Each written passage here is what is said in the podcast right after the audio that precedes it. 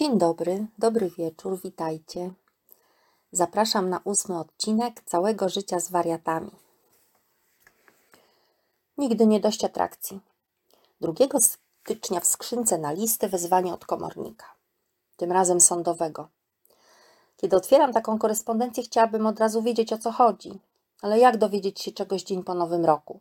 Będę teraz trwać w niepewności aż do dnia po trzech królach, jeśli uda mi się dostać do kancelarii bo tam zawsze jest dziki tłum.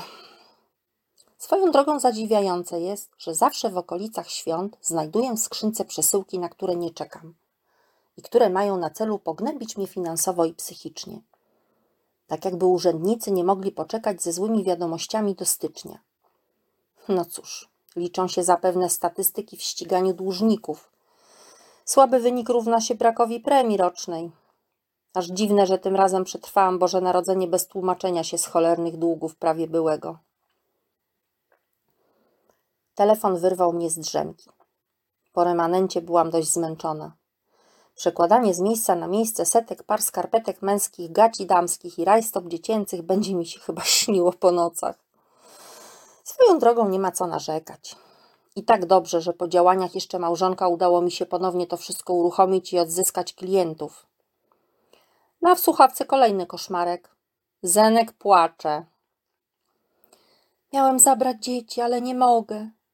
Tak jakby to było coś nowego. Odwoływanie spotkań w ostatniej chwili i nieodbieranie telefonu to chleb powszedni ojca moich dzieci. Ściema to chyba jego drugie imię.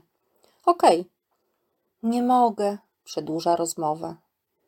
No dobrze, dzięki, że zadzwoniłeś. Ale naprawdę nie mam jak ich zabrać. Czeka na moje zainteresowanie jego płaczliwym głosem. Nic z tego. Okej, okay, to kiedy będziesz mógł się z nimi spotkać? Nie wiem. No to zadzwoń, jak będziesz wiedział. Cześć. Mam raka. Mówi szybko, żeby nie zdążyła się rozłączyć. Trochę mnie zatkało. Rak to w końcu poważna sprawa. Hm. Jednak biorąc pod uwagę wszystkie dotychczasowe pomysły mojego rozmówcy, powinnam być ostrożna w ocenie sytuacji. Mam raka stóp i umieram.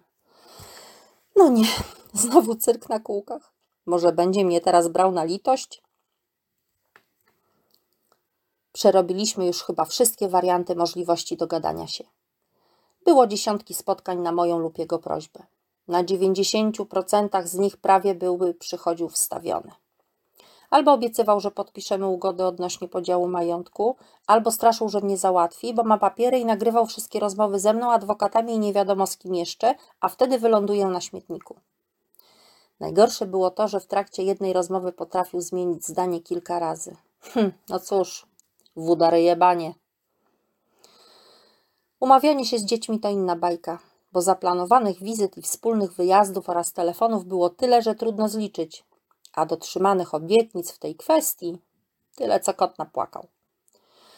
O braku zainteresowania imieninami, komuniami, zakończeniami roku, innymi uroczystościami nie wspomnę. Zawsze tylko czcze gadanie bez pokrycia.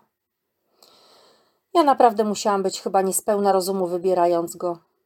A moja babcia zawsze mówiła, gdy nuciłam sobie podczas jedzenia: Nie śpiewaj przy jedzeniu, bo głupiego męża będziesz miała. No i wykrakała babcia ukochana. Co takiego? Jesteś pewien? Tak, mam wyniki badań. Zenek miał roztrzęsiony głos. A byłeś u kilku lekarzy? Takie diagnozy trzeba potwierdzać. Nie byłem, ale wiem. Umieram. Ale zabezpieczyłem dzieci. Testament jest u mojego szwagra. Hmm, jakaś nowość. Już nie u czterech osób? Ups. I czego oczekujesz ode mnie? Powiedz dzieciom. Ja? Chyba powinieneś zrobić to sam. Nie, ty powiedz, wtedy lepiej to zniosą. Okej, okay, jak będziesz czegoś potrzebował, to dzwoń. Chciałam zakończyć wreszcie tę rozmemłaną rozmowę.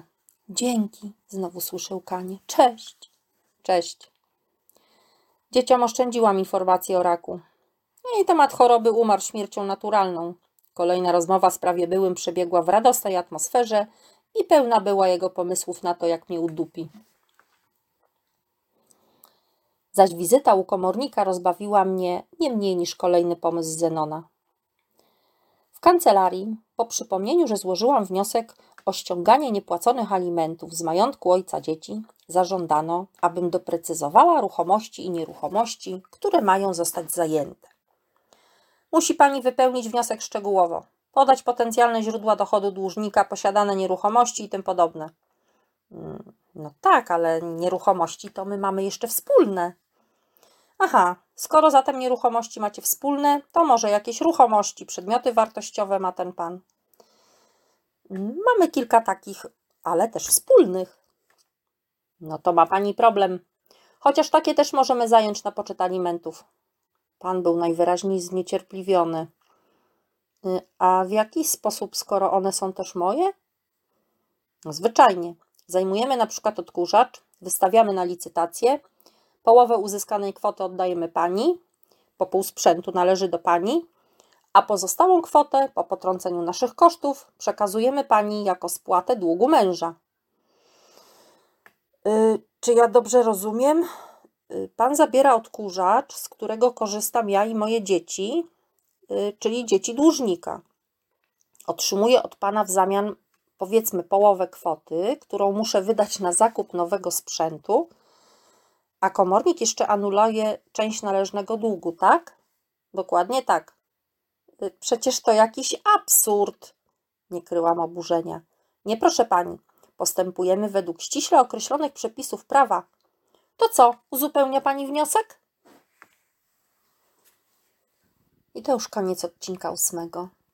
Dziękuję za wysłuchanie. Zapraszam do komentowania i do subskrypcji kanału. Wtedy będziecie powiadamiani o nowych odcinkach. Teraz życzę Wam pięknego wieczoru i spokojnej nocy. Pa, pa!